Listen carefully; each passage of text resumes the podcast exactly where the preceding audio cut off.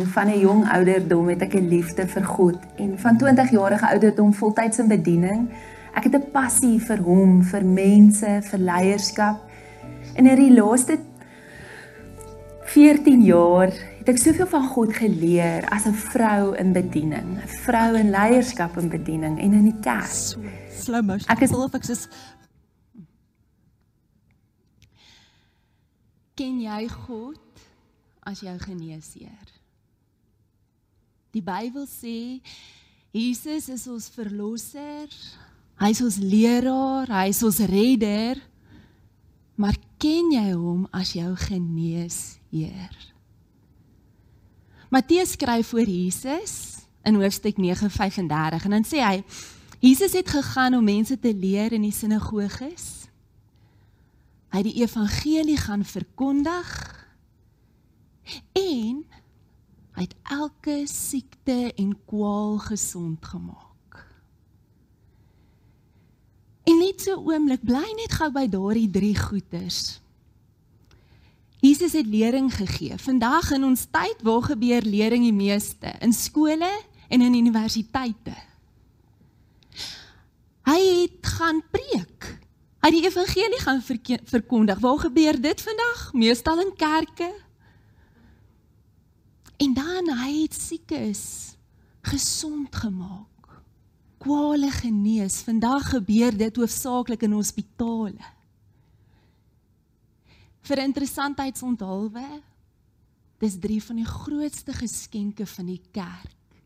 Is hospitale, kerke, universiteite en skole. Die eerste is deur die vroeë kerk begin.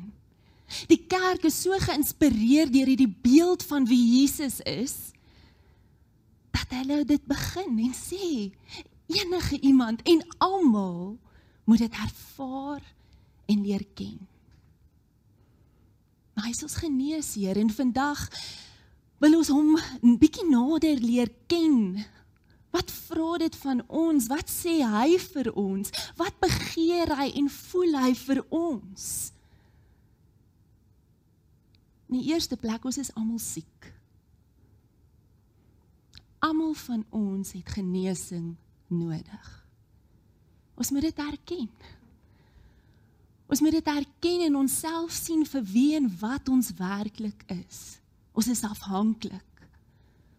Ons is stikkend. En in vandag se kultuur dink ons baie keer aan siekte as iets fisies net, nê? Nee? Ek moet dit kan sien, ek kom met hom voel die sintuie gebruik om te weet of ek siek is of nie, maar die Bybelse definisie van siek wees is om nie heel te wees nie. Is om nie heel te wees nie.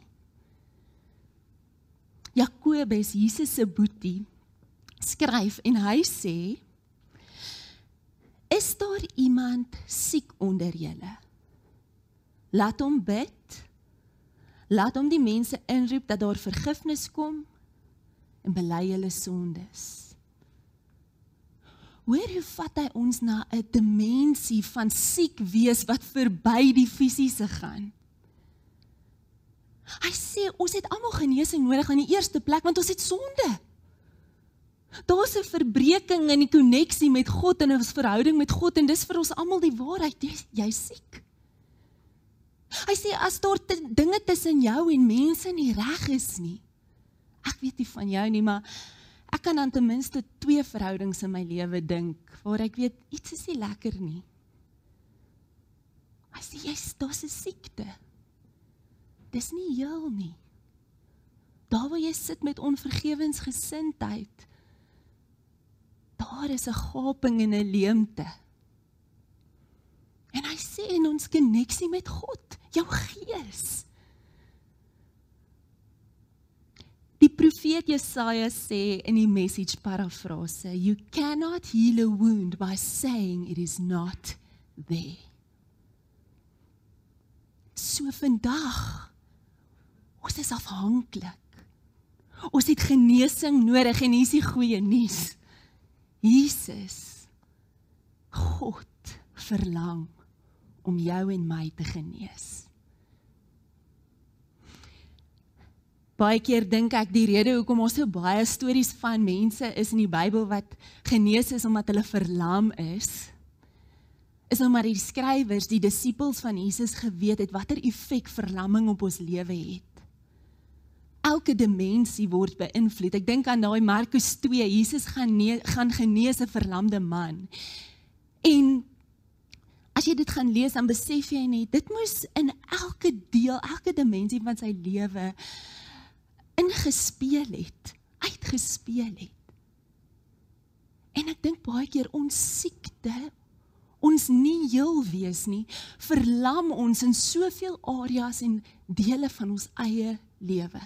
Emosioneel, verhoudings. Ek dink ons is emosioneel verlam want ons raak vasgevang in ons emosies van teleurstelling en wanhoop en hopeloosheid van ons hier vandag is verlam in ons verhoudings. Want daardie verhoudingspatrone wat jaar op jaar op jaar ons ons verhouding saboteer, kan ons nie verander nie. Ons is stak. Van ons hier vandag is verlam as gevolg van die verslawings. Die slawerny tot werk, oor medikasie, alkohol, van ons hier vandag is verlam as gevolg van die pyn wat ons in ons land sien. En ons raak apaties. Ons is so verlam dat ons geen aksie neem nie. En ons loop en ons sê, "Wat wat kan ek nou regtig gaan dinge doen en verander?" Maar ek dink die tragiesste van alles is van ons vandag is hier en ons is verlam in ons eie verhouding met God. Daar's nie vooruitgang nie. Daar's nie avontuur nie. Daar's nie koneksie nie. Jesus sê dit hoef nie so te wees nie. Dit hoef nie so te wees nie. Ek wonder waar is jy vandag vasgevang? Waar is jy verlam?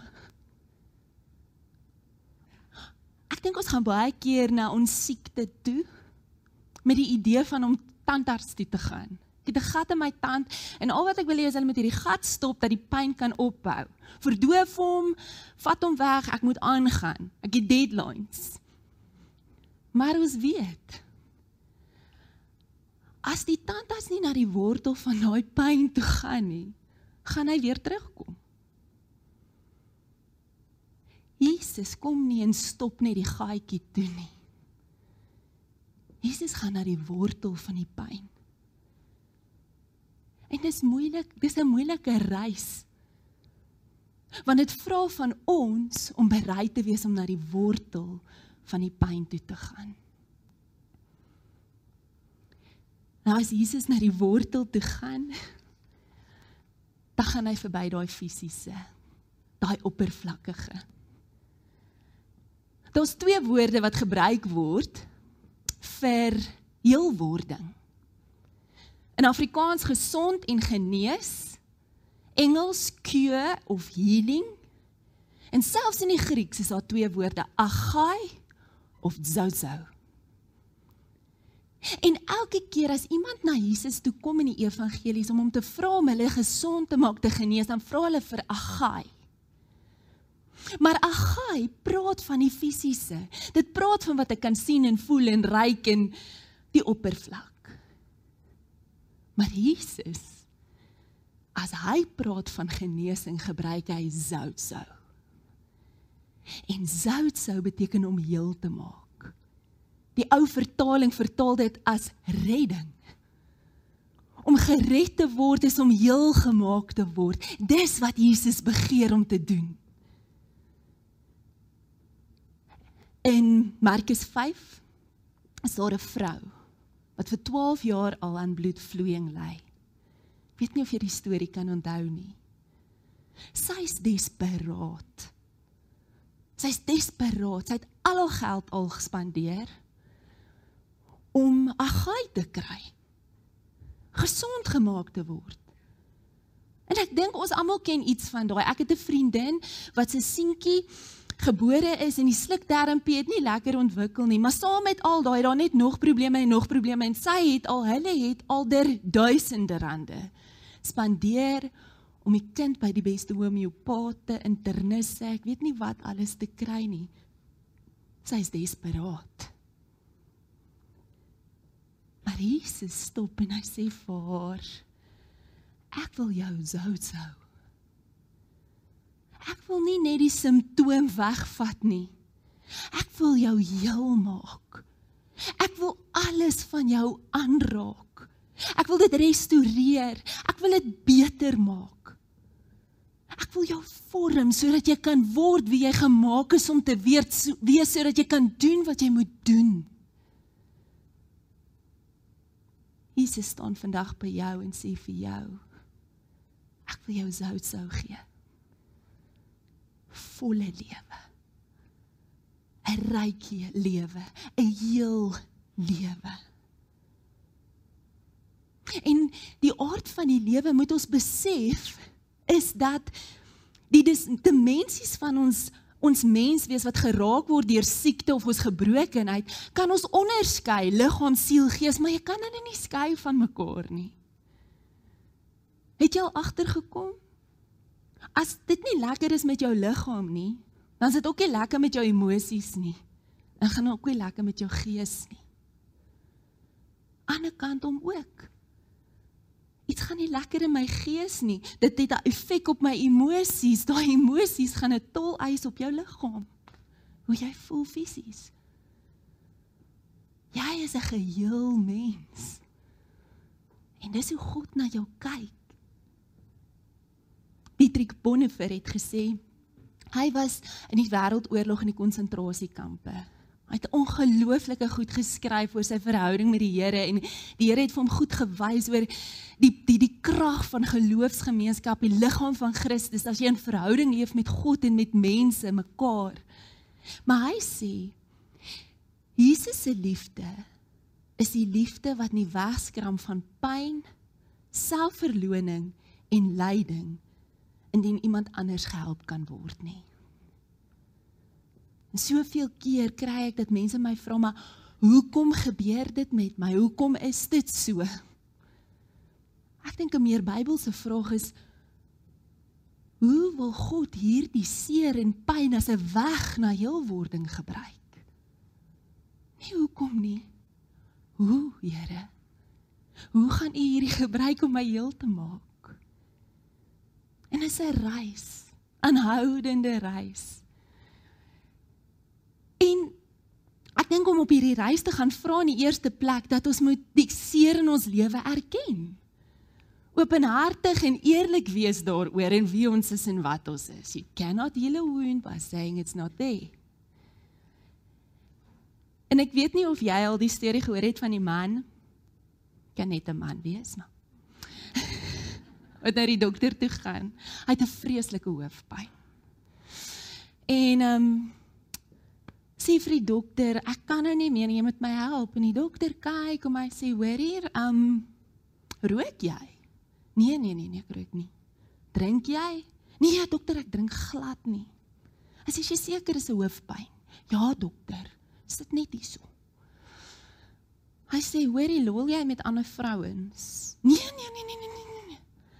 Sê jy seker sy so stywe drukkende hoofpyn nie. Hy sê ja dokter net so hy sê ja hy lou sit te styf.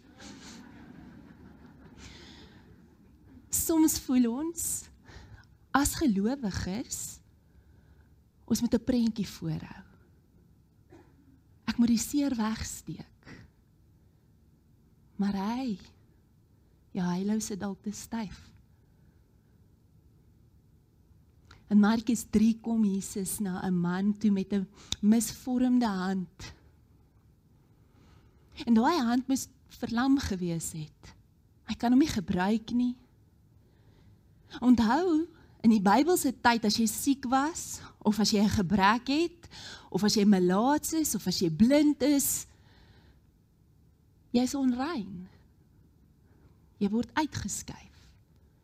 Jy het iets gedoen dat jy is waar jy is. Moenie naby kom nie want jy gaan dit op my afsmeer. So hulle is totaal uitgestoot. Hulle mag nie in die sinagoges gaan saam bid nie. Hulle mag nie in dieselfde winkels ingaan nie. Jy's daar. So nou kan jy dink hierdie man met die misvormde hand moes skaam gewees het hieroor en ek dink in my kop, hy het seker dit probeer wegsteek dat niemand dit sien nie. Jesus sê vir hom: "Steek jou hand uit."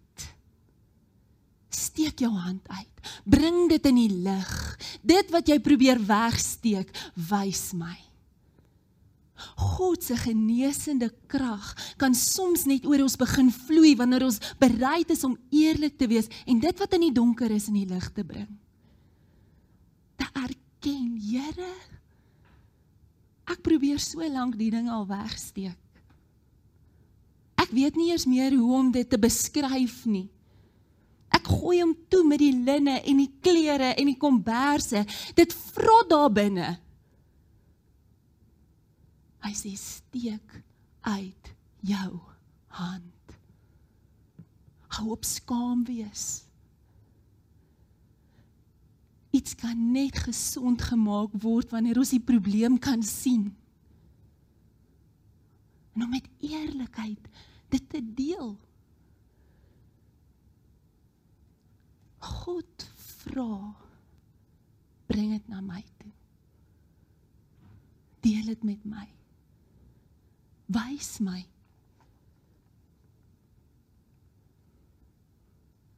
Hierdie man in Markus 3 word genees deur die pyn want hy's bereid om weer te voel. Hy's bereid om weer te voel. Dr Paul Brandt, seker brand, as hy van Amerika afkom, skryf saam met Philip Yancey 'n boek The Gift of Pain. En hy's 'n dokter wat werk met melaatses. En hy skryf bietjie oor sy ervaring en hy vertel in die boek hoe melaatses dikwels gevoel in hulle hande verloor. Hulle word verlam.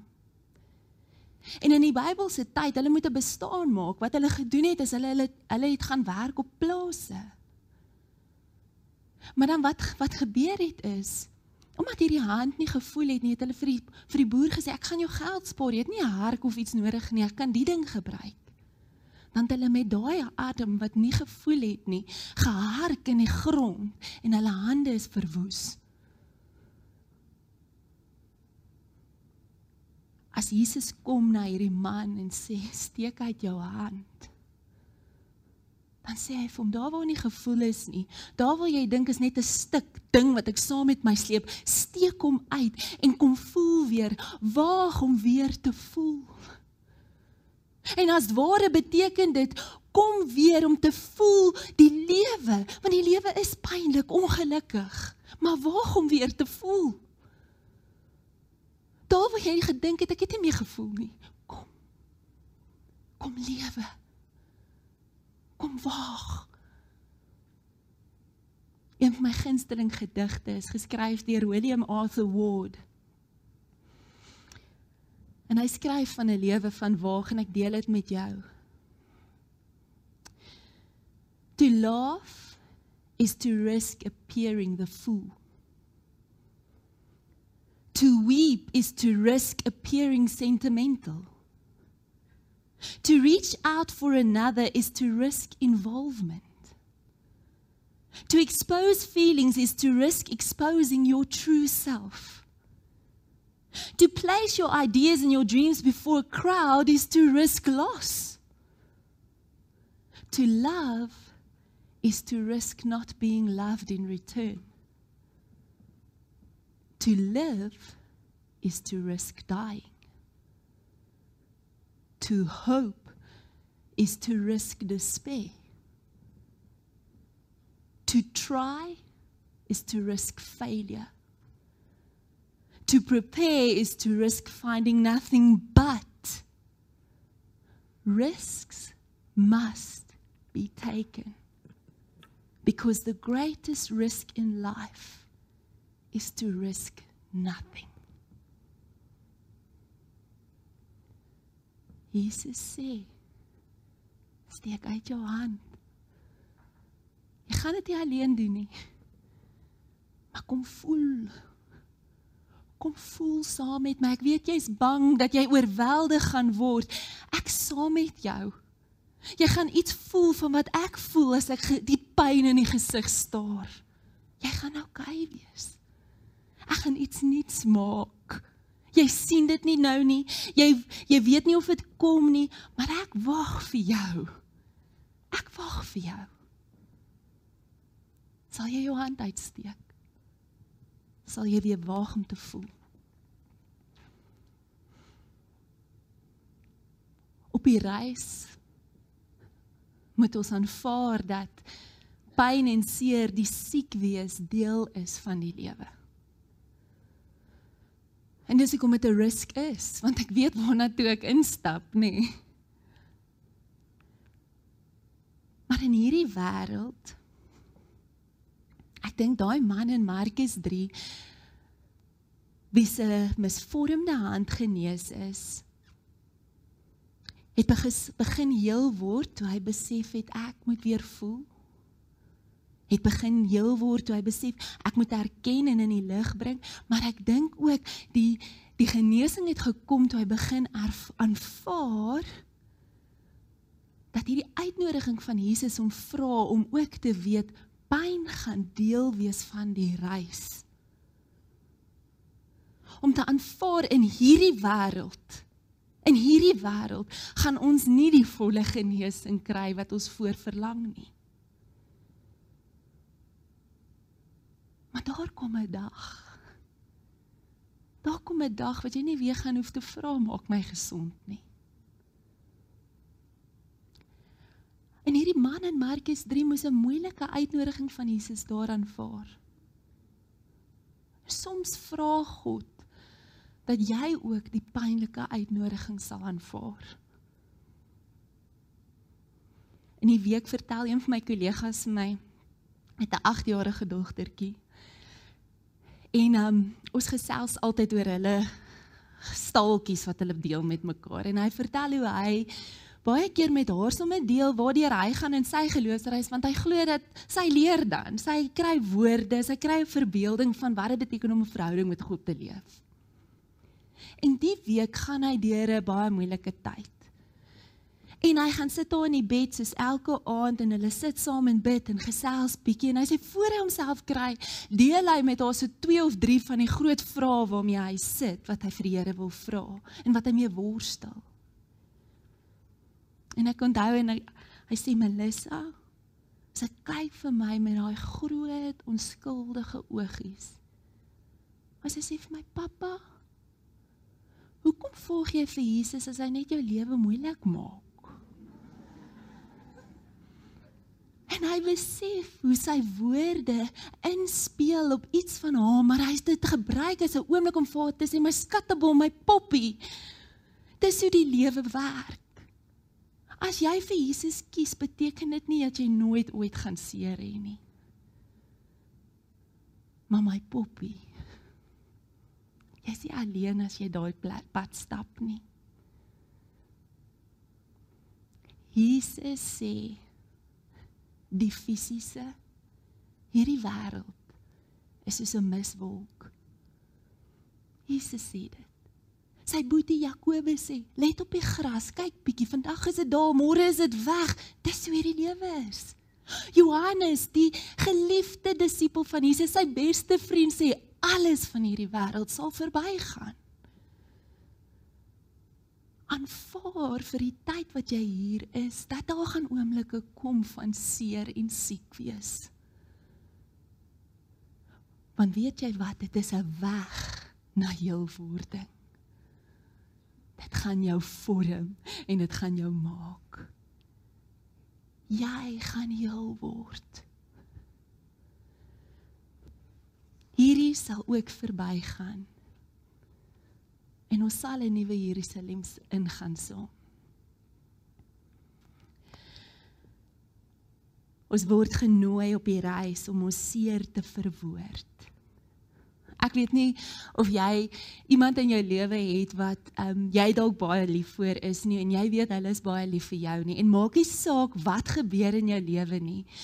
As daardie persoon deur daai deur stap en jy sien mekaar, dan weet jy alles gaan oukei okay wees. Alles gaan oukei okay wees. En God begeer dat ons iets van dit sal beleef aangesig tot aangesig met hom.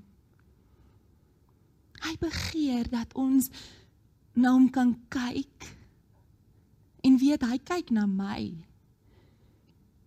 En ek moet weet alles gaan oukei okay wees. En hy nooi ons en hy sê praat met my. Deel dit met my. En baie keer dan sê mense vir my ja, maar weet God God weet in elk geval alles want hy's God. Ek sê ja. Maar dis soos jy 'n kind jy's 'n mamma. Hoekom is dit dat mammas net altyd weet iets is nie lekker nie? En 'n mamma weet ook eintlik sit so spes maas hoekom dinge nie lekker is nie. Maar gaan jy nou vir jou dogter of jou kind sê, "Ag man, ek weet in elk geval wat aangaan. Doen net dit en dit en dit en dit en dit en jy gaan sien." Nee. Jy sê kom vertel my. Sê vir my. Van kleins af, waar is die eina? God verlang Sê vertel my. Praat met my. En ek dink altyd aan die Emmaus gangers. Onthou Jesus is gekruisig. En hierdie twee disippels Hulle is op pad Emmaus toe. Nou in daai tyd was Emmaus Sun City. Nou al hierdie gebeure in Jerusalem, just give me a break. Kom ons gaan op vakansie. Ken jy daai ene? Ek wil wegkom van alles en almal. Dis waar hulle is maar hulle loop met 'n bedroefdheid. En op die pad begin Jesus saam met hulle loop, maar hulle herken hom nie. En dit is vir my die mooiste mooi. Jesus vra vir hulle, "Hoekom is julle so hartseer?" Hy weet mos. Maar gee 'n kans vir hulle en vir hulle onthaalwe, praat met my, vertel my. En dan sê hulle vir hom, "Wat jy nie gehoor van al die dinge nie?" Wat sê hy? Wat se dinge? En hulle begin, hulle seer en hulle hoop en hulle verwagtinge en hulle teleurstelling dat die goed nie uitgewerk het soos wat hulle gedink het nie, begin hulle met hom praat.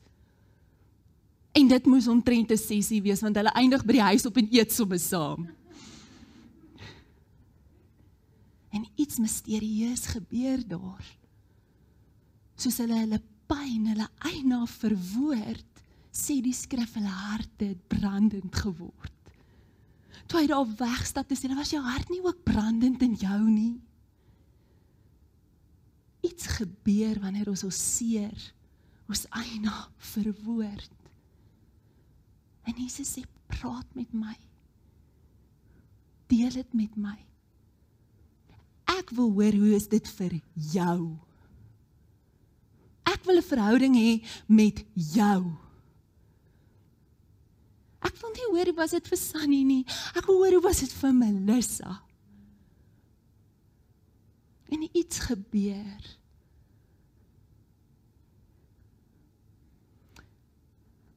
As ons kom en ons hart nie Here oopmaak soos 'n kind. Kom maar vertroue. Daar kom vertroosting. En ons het nie altyd woorde vir dit nie. Maar dis 'n ervaring en dis die ongelooflike ongelooflike genade van die Here. Is dat dit tot ons beskikking is. So begin bid oor die seer. God soek toegang na daardie seer plekke waarmee jy loop. En Jakobus sê in hoofstuk 5:13 As jy opgeruimd is, sing psalms. Is daar iemand wat ly? Laat hom bid. As jy, jy lei, bid. Begin bid. En om te bid is om te vra. Ja, ehm um, om te vra is nie maklik nie. Ek ehm um, worstel selfs om soms verby daai ego te gaan en te sê ek het hulp nodig. Maar Spurgeon het gesê asking is the first rule of the kingdom. Om te vra is die eerste reël van die koninkryk van God. Hoekom? Want hy's 'n gentleman. God gaan homself nooit indring en opdring op jou nie. Hy gaan wag vir die toestemming. Hy gaan wag tot jy vra. En hy wil gee. Hy gaan jou nie bombardeer nie. Ek in die begin van 2021 kom daar iemand na my toe, sy's 'n dokter. En sy deel met my haar siekte. Sy sê vir my dat sy wil bid, sy wil die Here vra vir genesing. En ons begin 'n pad stap. Ons bid gereeld saam. En dan begin ons sommer so gesels ook, waar is jy nou? Wat gaan aan? Wat het gebeur? En sy sy sê vir my in die begin van die jaar, Melissa, ek weet nie kom as ek so skaam nie, maar ek is nou reg om hier, om hierdie ding nou net oop te maak vir sommer enigiemand en almal wat wil weet. En ek vra vir my, hoekom was dit vir jou so moeilik? Sy sê, "Wel, ek was ek het dit nie verwag nie. Ek was omkant gevang. Ek het nie gedink dit kan ooit met my gebeur nie. Ek sien dokter, ek sien wat mense help met hierdie ding nou gebeur het met my. Ek het gedink seker ek is dalk bietjie verhewe bo dit. Sy sê net ek was bekommerd oor my praktyk. Ek het gedink as almal weet gaan niemand meer na my toe kom nie, ek gaan alles verloor. Ek vra vir haar nou, hoe's dit nou? Sy sê nou kom almal van oral na my toe. Want hulle weet ek verstaan iets. En weet jy wat ek het nie verstaan waardeur mense gaan nie. En in daai oomblik sê ek vir Kan jy hoor ons het gebid vir genesing? Kan jy hoor die skuwe wat gekom het? Kan jy hoor hoe God die grootste seer en siek van jou lewe geneem het en dit weggeword het? Waar hy heling deur jou nou na ander ook bring. Nie net 'n dokter fisies nie. Op dimensies wat die oog nie kan sien nie. Kan jy vra?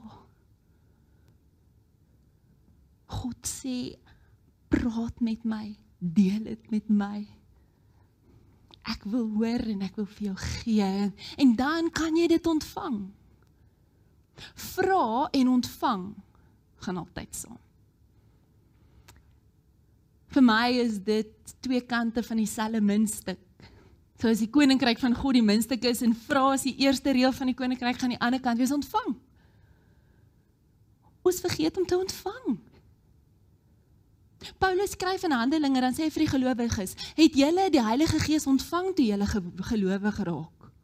Dis 'n snaakse vraag. Maar die Heilige Gees is gegee, hy wil weet het jy dit ontvang? 'n Geskenk is net 'n geskenk as jy hom kan vat. Die genesing gaan net kom as jy dit ontvang. Ons kan nou nou vra en vra en bid en bid en bid, maar as ek dit nie vat nie. Dis soos ons eet saam. En ek sê vir jou, kan jy vir my sout aangee asseblief? Net al die sout op. Kan jy asseblief met die sout aangee?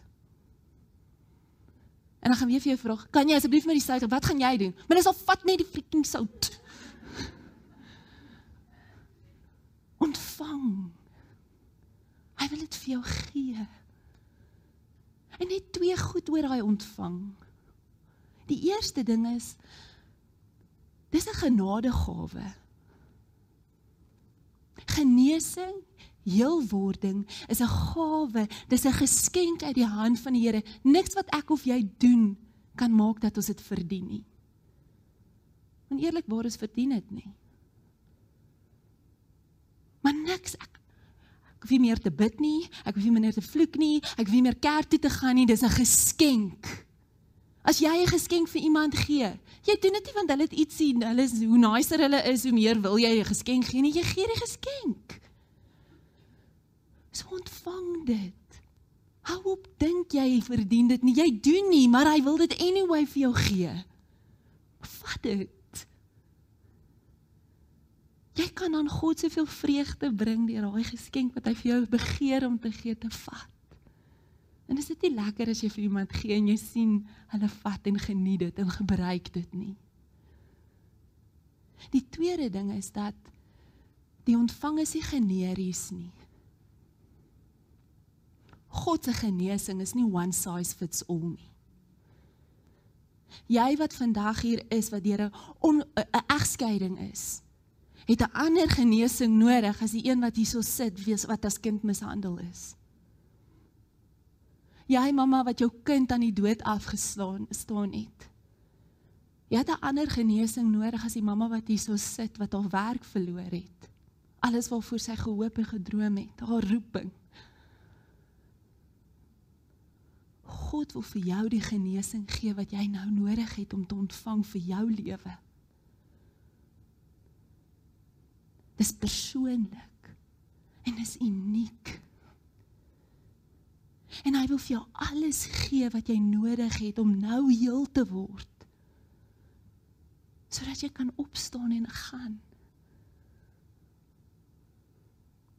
Is die goeie nuus. Wanneer ons na Jesus se lewe kyk, dan sien ons dat daar uit wonde uit heelheid kan kom. Daai gekruisigde hande is ook hande van 'n nuwe lewe, opstanningslewe. Daardie lyding, daardie gebrokenheid wat hy moes deurgaan, bring 'n nuwe lewe, nuwe moontlikhede, nuwe maniere wat niemand ooit sou kon dink nie. Daardie vernedering bring vergifnis. Die gewonde hande maak gesond. Dis 'n misterie. Dis 'n misterie dat iets moet doodgaan vir nuwe lewe om te kom, maar daai nuwe lewe is beter. Dis groter as wat jy ooit sal kan dink of droom op jou eie. Dis die genius van God, ons almagtige Vader. Hy sê, "It ain't over yet." Jy voel dalk nou so. It ain't over yet. Daar's nog. Ek kan nie wag om dit vir jou te gee nie, my kind. Die man van wat sit langs die bad van Bethesda Johannes 5. Jesus kom na hom toe. En hy vra die vraag: "Wil jy gesond word?" Daai vraag vra hy vir sy onthaalwe want daai man moet antwoord en hy moet verantwoordelikheid neem. Hy moet daai mat optel en hy moet gaan. Ek en jy kan bly lê by die bad van Bethesda of ek en jy kan antwoord ja Here en ek gaan my mat optel en ek gaan verantwoordelikheid vat dat ek kan heel word. Soveel keer sit ons vasgevang stak by daai bad. Ons word die victim. Daar's 'n ander lewe Daar's 'n ander lewe en hy's beskikbaar vir jou. Hy's beskikbaar vir my en Here. Dankie, dankie, dankie daarvoor.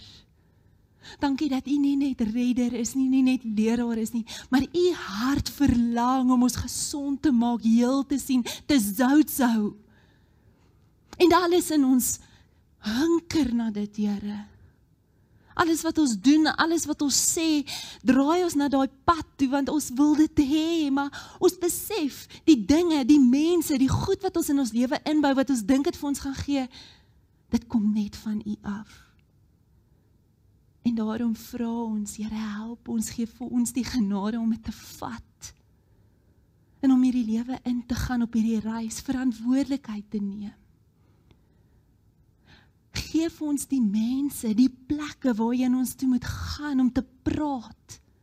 Wanneer ons praat met u, wanneer ons moet praat met 'n terapeut, wanneer ons praat met 'n vriendin, help ons om wysheid en insig te hê.